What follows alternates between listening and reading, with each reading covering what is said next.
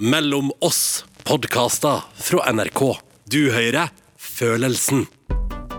Jeg tror enden på det hele er at vi kommer til å ødelegge oss selv. Det er litt brutalt å se inn i øynene til 92 år gamle Kirsten og høre henne si det som vi egentlig alle vet. Det, det er vel dessverre slik. Det ville være bedre på jorda for alle andre vesener om vi menneskene ikke var her.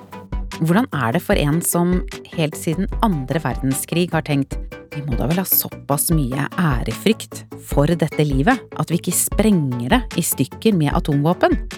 Og så, i begynnelsen av 2020, når du altså fyller 92 år, så mener forskerne at vi aldri har vært nærmere å utslette oss selv. Our planet faces two simultaneous existential threats the climate crisis and nuclear weapons. This is no mere analogy. We are now 100 seconds to midnight, and the world needs to wake up. Helt siden 1947 har vi altså hatt denne dommedagsklokka som skal vise oss hvor nærme vi er å ødelegge menneskeheten. Og nå mener forskerne som styrer denne symbolske klokka, at det tikker mot undergang. Today, the bulletin of the atomic scientist moves the hands of the doomsday clock. It is 100 seconds to midnight. Klokka den er nå 100 sekunder fra midnatt, og midnatt, det er dommedag. Den ene grunnen er klimaendringer. Den andre er altså det Kirsten har kjempet mot hele livet atomvåpen og en økt fare for atomkrig. Og en sikkerhetsstrategi basert på atomvåpen er etter min oppfatning pervers. Det er perverst å tenke på at vi sikrer fred med noe som potensielt kan ødelegge hele menneskeheten. Akkurat som denne imponerende dama som altså fremdeles jobber som hjerneforsker, sier. Men hun syns at følelsen som det handler om nå, altså ærefrykt, det er en litt merkelig følelse. Ordet ærefrykt er vanskelig, fordi det innebærer frykt. Det er et dårlig ord for noe som er godt. Det er et ord som er belasta, altså. Belasta, vanskelig, dårlig, sier Kirsten. Men når klatreren Paula snakker om ærefrykt for naturen, da høres det jo vakkert ut. Men når man kjører inn i den dalen, så blir man bare en liten mygg. For det er så enorme vegger på alle kanter, og El Capitan står da ut som selve kronjuvelen. da. Det er utrolig privilegert, for det er, så, det er så vakkert der oppe. Huspsykologen vår, Karsten, han beskriver det som en dragkamp. En følelse av å ønske å være der, og samtidig også kjenne på at det koster litt å være i en ærefryktig tilstand. Det er jo noe litt fremmed ved ærefrykt. Men hvis vi tenker på det som en slags nervøs beundring, da skjønner jeg det litt mer. For akkurat det tror jeg at jeg har veldig anlegg for. Å kjenne ærefrykt for andre mennesker. Jeg ville tenkt at det var veldig interessant også å snakke med folk som er i en åpenbar posisjon, da, hvor, hvor folk møter dem med ærefrykt. I hvilken grad de klarer å fange opp det, hvordan de forholder seg til det. Og en sånn person, som Karsten snakker om her, som har opplevd mye ærefrykt fra oss rundt, det ser jeg for meg er han jeg tenker har vært den morsomste siden jeg var 17 år og så på Lille Lørdag. Harald Eie. Han må ha opplevd mye ærefrykt. Du bruker nå ordet ærefrykt, som nesten ikke er i bruk lenger, mener jeg. da. Ja. Men du snakker om respekt, egentlig? Er det du, er det du egentlig mener? Og så, og så fargelegger du det ved å si ærefrykt? Kanskje Harald har rett? Kanskje det bare er fargelagt respekt? At jeg egentlig mener starstruck? Si, hvis, du, hvis du f.eks. møter noen du liker godt, da, en forfatter eh, La oss si Vigdis Hjorth. Da, Hvis du er veldig glad i henne og du har lest alle bøkene, er stor fan, og så møter du henne, og så kjenner du selvfølgelig at du blir urolig og nervøs, men vil du kalle det for ærefrykt? Jeg, jeg, jeg, jeg vet ikke. Nei. Nei. Jeg, jeg vil Ja, fordi det er, det, er, det er et nivå på ærefrykten som jeg mener Da, er, da møter du da er, du så, er du så lua i hånda og så underdanig, og dette mennesket står så høyt på strå. Um, så selv om et eller annet menneske i Norge i dag har gjort det veldig bra, og du beundrer det, så vet vi jo nå i dag at dette er et vanlig menneske som har masse dårlige sider, som ikke er perfekt på noe vis, som går på toalettet, som gråter, som gjør alt det vi andre gjør. Så den følelsen av at moder Teresa kommer inn i rommet, at uh, Fridtjof Nansen står der Det har vi ikke lenger, for vi vet vi vet at det ikke er sånn. Derfor så, derfor så kan vi beundre og respektere og, og, føle oss litt sånn dumme i møte med, men ærefrykt Men ærefrykt? Nei, det tror ikke Harald Eia at noen føler for ham. Jeg merker jo iblant at, folk er nervøse for å snakke med meg. At de er litt stressa, f.eks. De går litt ut av sitt gode skinn. Eh, så ofte så sier vi etter å ha møtt noen, la oss si sammen med kjæresten min, og så sier vi sånn ja, så, så slitsom han var sånn Ja, men jeg tror han blir stressa av deg, så ikke døm han for hardt. Så det, sånne samtaler har vi hele tiden. Og det, det er jo et faktum, men mm, hvis du spør dem, så vil du, vil du karakterisere det du følte på noe som ærefrykt, så tror jeg de vil Nei, nei, det blir for stort. Jeg, bare, jeg har sett så mye på TV, og jeg, jeg har vært så fan, og jeg, blir stressa, liksom. Men det skal sies, og det er litt interessant, for, nettopp fordi vi lever i en kultur hvor vi insisterer på at alle er like mye verdt, så vekker alltid den type nervøsitet litt irritasjon i meg. Kom igjen, vi er like menn og like kvinner, liksom. Vi er på like mye verdt. Ikke de behandler meg sånn. Det kjenner jeg alltid på. Og jeg blir alltid glad for de folka som på en eller annen grunn ikke lar seg affektere så mye av det at man er kjent. Eller har gjort det man har gjort. Og jeg prøver alltid å dyrke den i møte med de folka jeg beundrer. da skal ikke ha ærefrykt. Jeg, jeg, jeg, googlet det, eller så på Norsk Akademis ordbok. Det var sånn sitater fra sånn hun, eh, Sig, Sigrid Undset. Ja. Eh, her i dette, min husholdning skal man ha ærefrykt overfor sine ektefeller. Hæ, hva da? Du skal ikke ha ærefrykt overfor kjæresten din. Du skal behandle kjæresten din med respekt. Men du skal ikke sette vedkommende på pidestall. Harald er altså ikke i tvil. Det er bra at vi har mindre ærefrykt for andre mennesker. Selv om det kanskje er noe som har blitt litt kjedeligere. Eneste problemet er å se med at vi ikke lenger anser noe for hellig og veldig, veldig større enn oss selv, noe vi burde bøye oss i støvet overfor og sånn, det er at det kanskje Det som lider litt under det, det tenker jeg er kunsten litt, da. At det er liksom, Når du ser de gamle malerier og sånn, så ser du liksom det er så sterke krefter da, med solen som kommer igjen der, og det er Jesus, Gud og synd og skam og Ganske heftig. Mens uh, moderne mennesker er liksom flatere i følelseslivet sånn sett. Så da kan man jo savne det og synes det er flott. men um, i sum så mener jeg at vi har det mye bedre uten det registeret der enn meg. Så jeg er veldig glad for at folk eh, ikke går rundt og har masse ærefrykt og føler en dyp takknemlighet og beundring og respekt. det er mye bedre at vi er litt mm, Ja, vi har noen rettigheter, og, det, og vi har noen krav, og vi har noen plikter, og det er så prosaisk.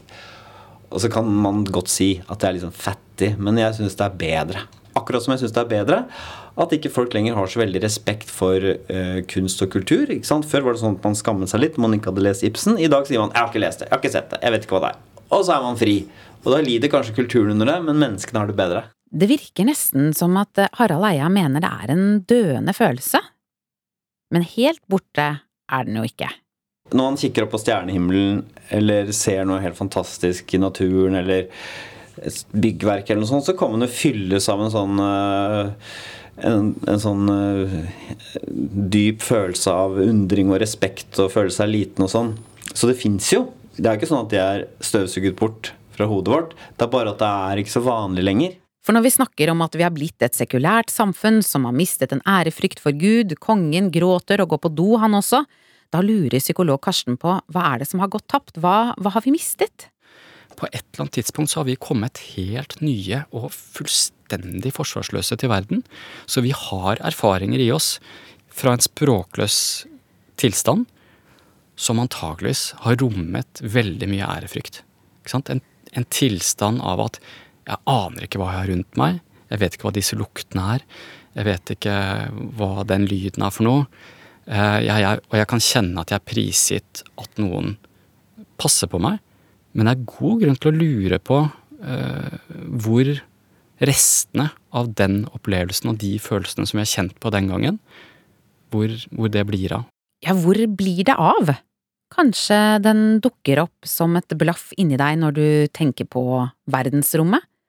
Eller hører musikk, som av en eller annen grunn treffer noe dypt, dypt inni deg? Og hvem har funnet ut at akkurat de tonene og den takten og den sammensetningen, den lyden, er noe som gjør noe med oss som vi ikke klarer å beskrive? Det fins noe der inni meg som, som kan vekke veldig sterke følelser og, og en sterk lengsel et eller annet etter et eller annet som vi ikke engang vet ordentlig hva, hva er. Jeg tror barn er veldig i stand til å komme i ærefryktige tilstander. Komme i kontakt med at nå står jeg overfor noe stort og stemningsfullt. Og noe som både fyller meg med glede og forundring og et snev av frykt også. Det tror jeg barn er veldig godt i stand til å komme, komme i kontakt med. Før de begynner å få blikket utenfra på seg selv, hvordan man skal oppføre seg. Eller før de begynner å skjønne hvordan en del ting henger sammen. Og jeg er jo da så heldig Eh, må jeg si at jeg har eh, to barn som har gått og går på Steinerskolen.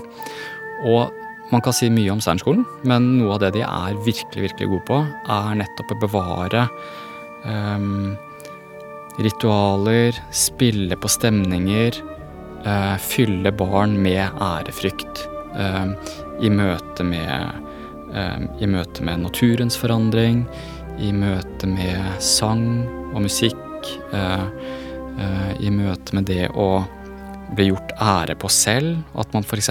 skal gjennom ritualer selv, at de skal kle seg spesielle ting, eller synge de samme sangene som alle andre har gjort før dem. Når de, når de hilses velkommen i første klasse, så skal de gjennom en blomsterportal, ha pyntet seg. Man, man, er klar over at barn kan komme i kontakt med en form for alvor i livet, eh, som de har veldig godt av å være i kontakt med, tror jeg. Det er fint at man eh, ønsker å underholde barn og ha det gøy sammen med dem, eller at de skal ha det gøy. Men noen ganger så tror jeg Nå høres jeg 80 år gammel ut, da. Men så tror jeg kanskje vi gjør det litt for mye. At vi skal hele tiden drive og trekke dem opp når de egentlig både har veldig godt av for sin egen ros skyld, og for å utvide eh, opplevelsesrepertoaret sitt til også å komme i kontakt med noe som er større enn seg selv, og, og en form for ærefrykt. Karsten trekker frem to filmregissører som han mener prøver å komme i kontakt med de blaffene der, og beskrive en slags ærefrykt for mennesker og natur. Den ene er Terence Malick, som blant annet har laget Den tynne røde linjen, og ikke minst The Tree of Life. Det er jo han som på en måte har funnet opp det å vasse i kornåkeren.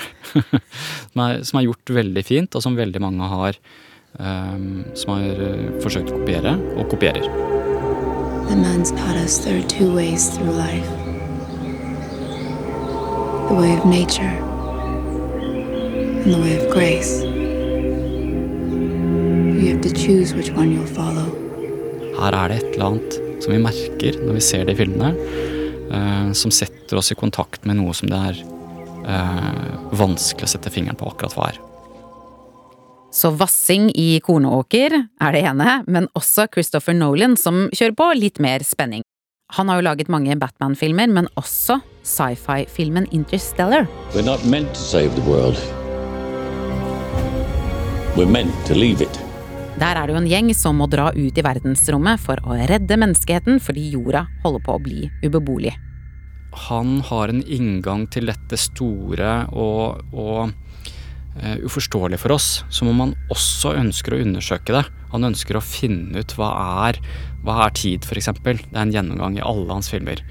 En undersøkelse av tid, og han lener seg sterkt på vitenskapen når han fremstiller det i en underholdende, i hvert fall forsøksvis underholdende, uh, og spennende innpakning. Så han får til begge deler, og gjør at vi sitter igjen med en opplevelse av uh, forundring og, og en følelse av å ha vært i kontakt med noe som vi ikke helt forstår være i kontakt med et eller annet som er fremmed, og som eh, også er potensielt truende for oss, og hvordan vi forholder oss til det. Og Én ting er jo hva de, disse kunstnerne, hvordan de forholder seg til det, men også i hvilken grad de forsøker å gjenskape den opplevelsen i seeren, da.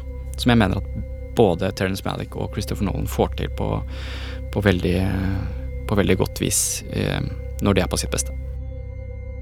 Vi trenger ikke dra helt til et svart hull for å kjenne på storheten i naturen. Thomas har møtt noen som har kjent på følelsen av å være veldig liten i møte med et stort fjell.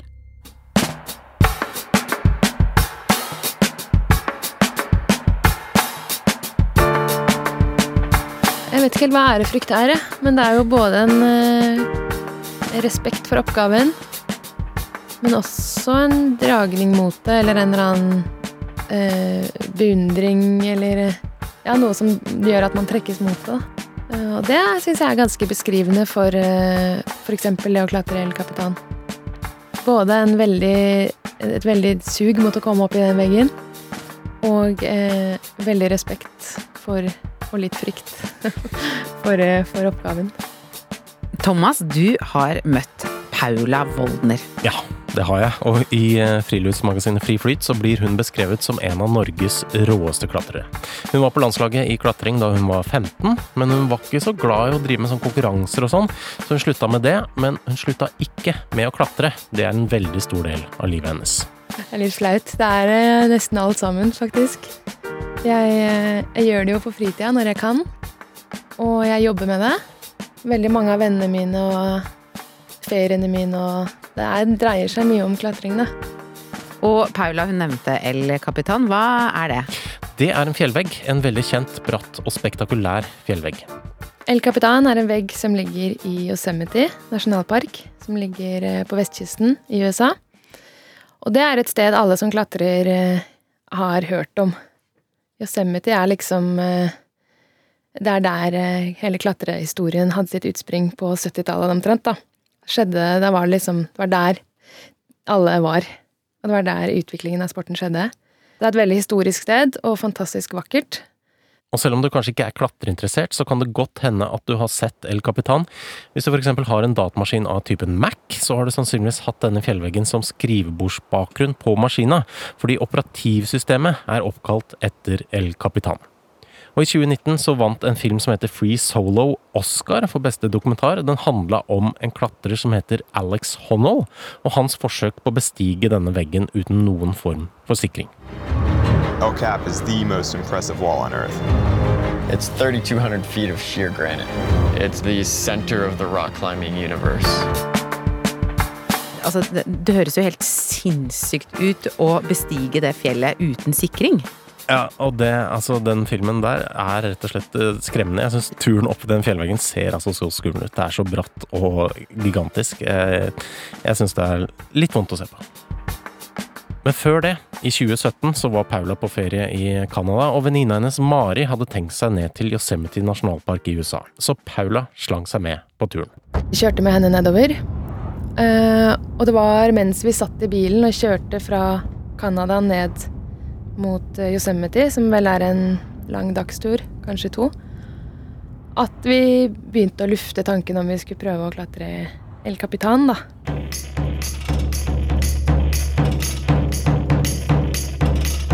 Når man kjører inn i den dalen, så blir man bare en liten mygg. For det er så enorme vegger på alle kanter, og El Capitan står da ut som selve kronjuvelen. Så, så føler man jo en veldig ærefrykt for veggen. Eh, og også for stedet, for det er så spekket med historie. Og det er klatrere i verdensklasse på alle kanter. Så jeg er jo av og til vant til å være blant de bedre når jeg kommer til et sted og klatrer, men her var vi definitivt de dårligste. Så nå var de der, da, på bånn av El Capitan og så opp på den bratte 900 meters veggen som de hadde lyst til å bestige, men de skjønte at det her kan vi ikke. Men de er jo erfarne klatrere? Ja, det er de, men det er altså en så høy og vanskelig vegg at de måtte gjøre ting de aldri hadde gjort før. De regna blant annet med å sove fire dager oppi veggen, så de trengte da ha med eksempel 40 liter vann og andre ting i en sekk som da veide 80 kilo til slutt. Vi drev og øvde oss i trærne på bunnen av veggen for å øve oss man skulle heise og lære oss de forskjellige knutene og teknikkene. Da var det ganske ydmykende da, å henge der og vise at man var så nybegynner som vi var, for å lære seg alt. Men det måtte vi bare prøve å legge bort. Og prøve å dele det opp i små biter og lage oss små mål underveis, da. Ok, Mari. Nå er du on tape. Du må fortelle hva du tenker om eh, prosjektet vårt, da. Har du god følelse? Kommer det til å gå? Jeg for min del. Ja, jeg er i hvert fall i den fasen der jeg begynner å tørre å si eh, når vi skal opp ja. istedenfor hvis. hvis. Det er ganske ja. kult at vi er kommet dit, bare. Jeg merket i hvert fall i sted at nå begynner det å bli tide. Nå som vi har kjøpt mat og alt. Herregud. Hva er det vi begir oss ut på? Men de dro opp? De dro opp, men fortsatt så var planen at de kunne trekke seg når som helst, fordi ærefrykten for veggen, den hadde ikke sluppet taket helt. Første kvelden var det nok. Da hadde vi klatret hele dagen og lå langt bak skjemaet, og det var mørkt. Og vi måtte opp et sånn veldig tynt riss, da. Eh, for å komme opp til den hylla vi skulle sove på.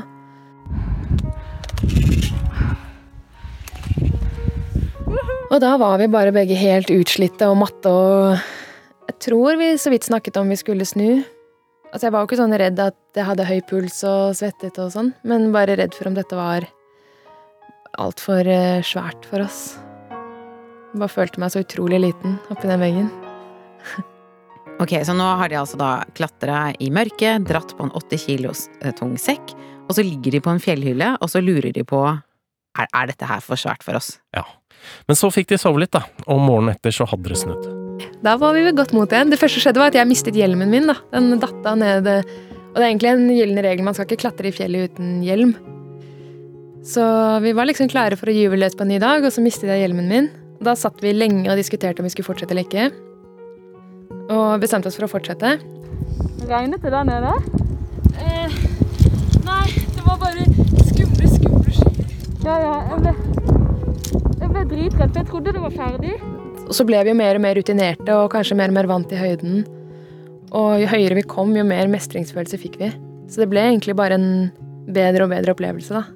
Selv om vi også ble mer og mer slitne, selvfølgelig. En og til i veggen. Og det føles bra. Vi sove på the round table. Det føles ikke bra. Men dette med sovingen merker jeg at jeg blir veldig interessert i. ja, eh, fordi altså, De hadde jo da bestemt seg først når de kom litt opp i veggen at det her var noe de virkelig skulle gjennomføre. Så de hadde ikke med seg alt utstyr de kanskje burde. Og kanskje det mest åpenbare som vi ikke hadde med oss, var det som heter en portal ledge. Som er eh, altså en portal-ledge, som er en, en sånn telt man kan henge opp i veggen og sove på. Så da måtte de se seg ut noen fjellhyller underveis som de da kunne sove på. Første natten var hylla veldig stor og komfortabel, og så ble den jo høyere opp på veggen vi kom, jo brattere ble veggen, og jo mindre ble hyllene, da. Men da måtte de også nå opp til disse fjellhyllene for å kunne sove. Så når det ble mørkt, så måtte de bare fortsette drassende på en tung sekk til de kom fram til stadig mindre hyller oppe i fjellveggen. Siste natten var det en veldig, veldig liten hylle, da. Jeg er på siste standplass. Siste natten i veggen, hvor vi lå liksom i fosterstilling helt inntil veggen med liksom fem centimeter klaring og så rett ned. Helt sikkert, da, for vi, hadde, vi var jo sikret, men uh, veldig eksponert. Og hadde det vært noen andre på den hylla når vi kom, så måtte vi jo funnet på et eller annet lurt, da. Så det var jo litt sånn sjansespill, på en måte. Men de slapp heldigvis å finne på noe annet. De kom seg opp før snøværet begynte, og det var en god følelse. Nei, det var helt rått, da. Det var helt uh, Det var helt sjukt. Og heldigvis så sto det noen sørkoreanere og venta på dem eh, på toppen, for de kunne egentlig ikke veien ned på baksiden av fjellet. Og det var tett tåke. Og hvis ikke de hadde vært der, så tror jeg vi hadde måttet sove på toppen. Eh, uten noe mat igjen, og med snø, og det var liksom bare om å gjøre å pakke sammen tingene og komme seg av gårde. Men alt ordna seg. Da gjorde vi jo ingenting en hel uke etterpå. Vi bare, bare hang rundt, bada litt og spiste pizza. Så det var, det var en sånn prosess. Det tok ganske lang tid, da. Før det liksom sank inn. Og selv om det bød på noen flere utfordringer at de ikke hadde planlagt dette her i lang tid, så var det på én måte en fordel også. Ruter og vegger og sånn får ofte sånn rykte på seg. Eh, så ofte kan det være en fordel å prøve å ikke ha så mye ærefrykt, da. Ofte kan det ryktet liksom Eller når folk snakker om en vegg eller en rute, så får man så stor respekt for den at man tenker at uh, man ikke tør å prøve. Og ja, som jeg sa med El Capitan, det var kanskje den største utfordringen, var jo det å i det hele tatt si liksom Ok, skal vi, skal vi gå opp og se hva det er for noe? Uh, så det er klart man skal ha respekt, men uh, en altfor sånn altfor ydmyk innstilling, da kommer man seg jo ikke av bakken. Så, så det er klart jeg har det, men uh, jeg prøver ikke å ha det altfor mye. Og hvis de ikke hadde hatt såpass lite ærefrykt at de kasta seg opp i veggen uansett, så hadde de kanskje ikke opplevd følelsen av å våkne opp på en bitte liten fjellhylle 500 meter over bakken. Nei, det er helt eh, Det er helt ubeskrivelig, liksom. Det går ikke an å Det er utrolig privilegert, for det er, så, det er så vakkert der oppe. Og selve Yosemite-dalen er ganske den er så veldig kontrastfylt, for det er utrolig mange turister, amerikanske turister som drar dit og kjører rundt, spiser hamburger i sånne shuttlebusser som går rundt og rundt nede i dalen. Veldig mye trafikk og veldig høyt uh, lydnivå og masse unger som løper rundt og spiser is. Og så kommer man opp i den veggen og kjenner på en sånn utrolig ensomhet, på en måte. Og mestringsfølelse. Og takknemlighet over å sitte på en sånn bitte liten hylle 500 meter oppi veggen. Og det er liksom ingenting annet som gjelder, da, enn bare akkurat hva som skjer de neste ti meterne over hodet ditt. Det er det eneste du trenger å forholde deg til. Og fortsatt så er det jo en av de virkelig store opplevelsene i livet som jeg kommer til å ha med meg for alltid, da.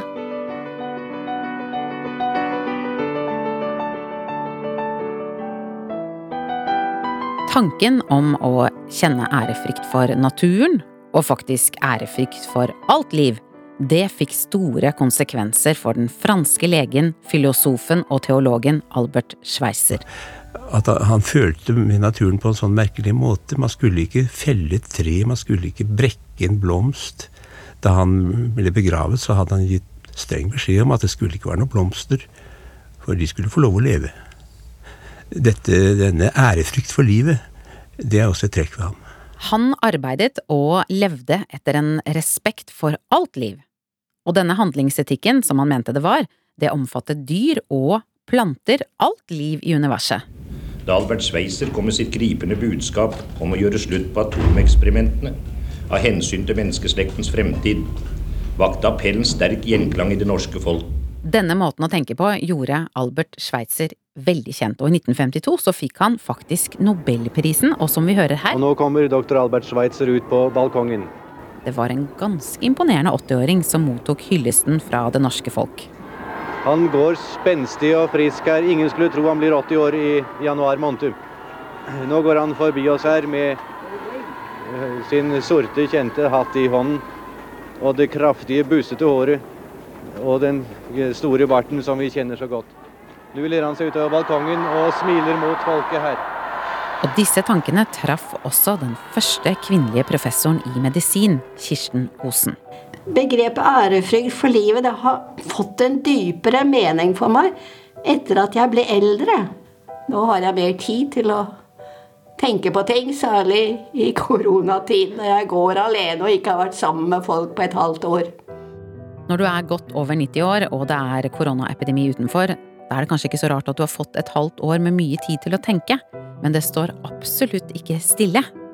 Og jeg lurer på om en av grunnene til at jeg liker Kirsten så godt, det er at hun er så gammel, men likevel fortsetter å jobbe og forske på hjernen vår og sammenligne den med sau og gris. Min uh, læremaskin i gris og sau finnes her. så jeg jobber med. De, de er ikke publisert ennå. Ja, det er det, absolutt, men det er ikke bare det jeg blir entusiastisk av. Jeg elsker hvordan hun svarer når jeg spør om hun er stolt over at hun ble den første kvinnelige professoren i medisin. Ble du stolt? Nei. Jeg, jeg ble skuffet, for jeg tenkte at det, at det skulle mer til for å bli professor. Når jeg kunne bli det. Hun trodde det skulle mer til, sier hun tørt mens hun smiler og øynene blunker. Jeg, jeg er ikke noe sånn spesielt intelligent. Jeg er minst intelligent av alle mine søsken, og jeg som har blitt professor. Det er litt komisk. Det er denne blandingen av å være like søt og sjarmerende som Anne Katt Vestli og hele mormor og de åtte ungene. Ja. Som om det skulle vært planlagt. og fullstendig mørk og desillusjonert på vegne av oss menneskene. Jeg tror enden på det hele er at vi kommer til å ødelegge oss selv. Og så er det denne nøkterne realisten. Da hun var barn, flyktet de fra Nord-Norge under krigen. Så reiste vi sørover med Hurtigruta. Vi var litt engstelige da, for tiden var krig like i nærheten. Men vi kom oss vel frem. Og da hadde hun blitt intervjuet om hun var redd. Og jeg ble spurt om jeg var redd. Da skal jeg ha sagt nei, vi skal jo dø allikevel. Og denne nøkternheten, den eh, har hun fremdeles. Alt som lever må dø, og snart er det min tur. Hvordan er det å tenke på det? Det er veldig bra. Det, det å ikke være er en kjempefin tilværelse, akkurat som før jeg ble født. Sammen med et langvarig engasjement for å prøve å redde denne jorda vår. Det er jo absolutt en uh, rasjonell følelse å være redd for atomvåpen. Det burde vi bare være alle sammen. Problemet er at vi skyver det unna, og at vi ikke vil ta det inn over oss. Selv har jeg siden starten i 1982 vært aktivt med Norske leger mot atomvåpen. Når hun forsker og sammenligner menneskehjernen og eksempel rottehjernen, så er det ikke noe å lure på. Vi henger sammen med hverandre. Det er det du lærer når du driver med dette her. Og det å se slektskapet gjennom utviklingen, se hvordan vi henger sammen alt. Satt og så på rotta. Jeg ble så slått av Alt er der hos rotta. Det er bare mindre sofistikert, mindre utviklet. Men de har det. Rotta er, har mønstre i seg. Tenk hvordan vi tenker på rotta. ikke sant? Vi er en del av det samme systemet, og det er der det kommer inn en ærefrykt for livet. ikke sant? Vi skal ikke være så høye på pæra, og vi skal være forsiktige. Vi hører sammen i et, en, en stor enhet. Og det er nå det kommer dette med at hun dessverre har mistet troen på at vi skal klare det her. Jeg må dessverre si at jeg har mista troen på menneskenes rasjonelle handlinger. Jeg tror enden på det hele er at vi kommer til å ødelegge oss selv. Hadde vi kunnet gjøre det uten å ta med resten av uh, livet på jorda med i samme slengen, så kunne det kanskje ikke vært så dumt. Det, det er vel dessverre slik. Det ville være bedre på jorda for alle andre vesener om vi menneskene ikke var her. Men dette ble jo veldig trist, da få høre at alt håp er ute. Kan du ikke slutte sånn? Og som du hører, så begynner jeg å famle febrilsk etter noe positivt. Men, eh, men, men, det er jo mange også gode krefter, så, vi, så det, vi, det er håpet, da. Vi får håpe allikevel. Kanskje jeg kan eh, avslutte med det lille blaffet av ærefrykt Harald Eia kan kjenne på? Det er, det er jo litt sånn søtt og morsomt. Jeg kan kjenne på det når jeg tenker på perspektivene liksom spoler tilbake hele jordas utvikling, menneskearten, også Afrika, altså, sant, livet og dinosaurene, uh, asteroiden som drepte alle, og så livet oppstår, og så Big Bang. Og da kjenner jeg et sånt sug. Men det varer bare noen sekunder, og så, huit, så er jeg tilbake i sånn Jeg må huske på å handle middag før jeg henter barna i barnehagen. Eller denne spesielle opplevelsen til Paula. Men det var en dal som heter Zion. Er en helt sånn magisk eh, trang dal med sånn rød sandstein. Hele begge sider av den dalen så er det helt sånn mørkerød, oransjeaktig eh, sandstein. Vegger som er sikkert eh, 500-600 meter høye. Og jeg var der sammen med ekskjæresten min. Og vi var ganske slitne, vært på tur lenge. Og det var, vi hadde krangla litt oppi den veggen, og det var liksom ja, Det var ikke så gøy å være Vi ville bare bort derfra. Så var vi nærme toppen, sånn 20 meter under toppen. Han sikret, og jeg klatret.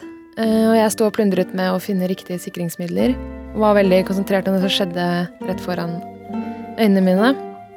Og så hørte jeg bare lyden av Det var nesten som om det var et eller annet som falt, noe svært, tungt, som bare falt ut over meg. Og så opp og bare så denne enorme fuglen. En gondor med et vingespenn på tre meter. Altså, den var helt enorm. Og det var nesten Jeg fikk følelsen av at den sneiet hodet mitt. Og da ble jeg veldig løftet ut av den krangelen og den veggen og alt. Og bare ble minnet på da, av hvor privilegert jeg fikk være som å oppleve noe sånt. Det tror jeg bare skjer en, en gang hvert 20. Eh, år, liksom. Eller når Karsten vil vise at ærefrykten den finnes ikke bare i pompøs vassing i kornåkre, men også på det litt mer nedpå mellommenneskelig plan, og begynner å snakke om komedien Notting Hill, der Julia Roberts spiller verdenskjent forfatter som blir forelsket i mannen i gata, Hugh Grant. Når man skal snakke om ærefrykt, så vil man gå til store kunstnere som har liksom vidløftige prosjekter og litt sånn uforståelig. Eh, men eh, en av mine absolutt favorittfilmer er Notting Hill. Og jeg tenker at den faktisk også handler om ærefrykt. Og da blir han altså så rørt at han nesten ikke klarer å snakke. Vet, vet du hva, jeg, jeg, klarer nesten ikke snakke om det uten å bli rørt. Jeg får, jeg får frysning på lårene når jeg snakker om det. jeg vet det er mange som hater den filmen, men jeg syns den også er så utrolig rørende. Når hun da eh, til slutt henvender seg til han og sier det som jo er helt sant. Eh, når, hun, når, han til slutt avviser henne og sier at dette blir for komplisert, så sier hun det er greit, det er en klok beslutning, men ikke glem da at Jeg gleder meg til når jeg skal sette på musikk på dette her Jeg også. tror kanskje heller du eventuelt får gjengi det. eh, jeg, jeg klarer ikke helt å fremføre det.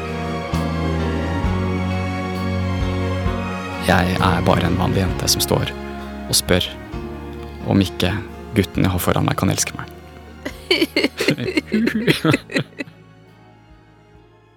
Men det blir altså den eldste av oss som skal få det siste ordet. For i all sin pessimisme og realisme så klarer faktisk Kirsten å gi meg et slags håp, eller i hvert fall en lyst til å prøve. Det går an å være en håpende realist. Ja. Og, og, og, og da, når jeg kommer inn på det, så må jeg jo si det at selv om jeg er pessimist, så står jeg på. Og eh, jeg gir meg ikke. Og det mener jeg det har forplikta til. Så lenge det er liv, er det håp, burde det være håp. Og iallfall så kan man, om det går galt, så må man vite at man iallfall har gjort noe for å hindre det. Så den derre underdanige, lua i hånden ærefrykten, der man opphøyer kongen og presten over seg selv, den trenger vi kanskje ikke. Men å kjenne på en viss ærefrykt for alt liv og jorda, sånn som Kirsten, det syns jeg vi skal ta vare på. Så derfor, tenk litt på, gjør jeg som Kirsten? Gjør jeg noe for å hindre det?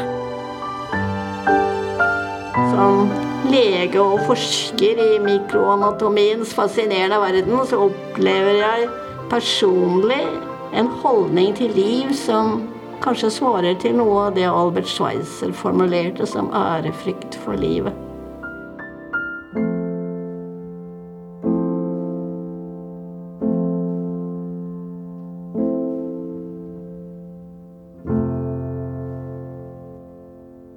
Det er veldig lett å få med seg den neste følelsen. Da er det bare å abonnere på podkasten Mellom oss. Trykk stjerne i NRK radioappen din. Da er det bare en uke til du får høre nye historier om følelsene våre. Neste gang så handler det om avsky, og du får historien om noen som jobber med å hindre noe av det mest avskyelige. Man har jo en sånn greie i, i oss som på en måte sier liksom ok, du rører ikke barn. Nå står vi på Drammen eh, jernbanestasjon og har møtt på han eh, fyren som skal møte et barn. Og gjør man det, så eh, vekker det jo sinne og avsky i oss alle. Du skal møte en 14 år gammel jente her for sex i dag, du? Nei. Nei? Jeg vet ikke hva jeg hadde tenkt å gjøre. Du har hørt en podkast fra NRK. Hør flere podkaster og din favorittkanal i appen NRK Radio.